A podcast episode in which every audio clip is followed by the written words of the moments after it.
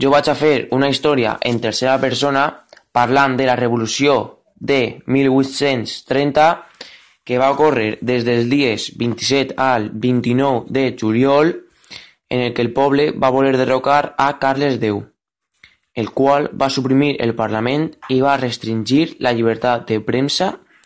Aleshores el poble es va enfadar i van començar una sèrie de disturbis que van desembocar en una revolució molt gran.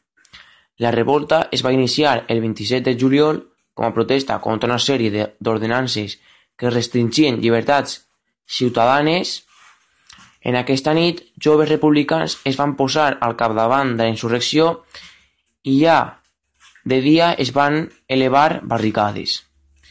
El dia 29, els revolucionaris eren amos de la ciutat.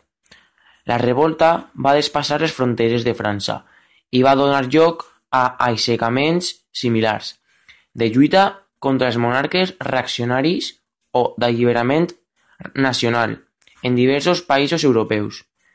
El rei Carles X va ser substituït per Lluís Felip d'Orleans.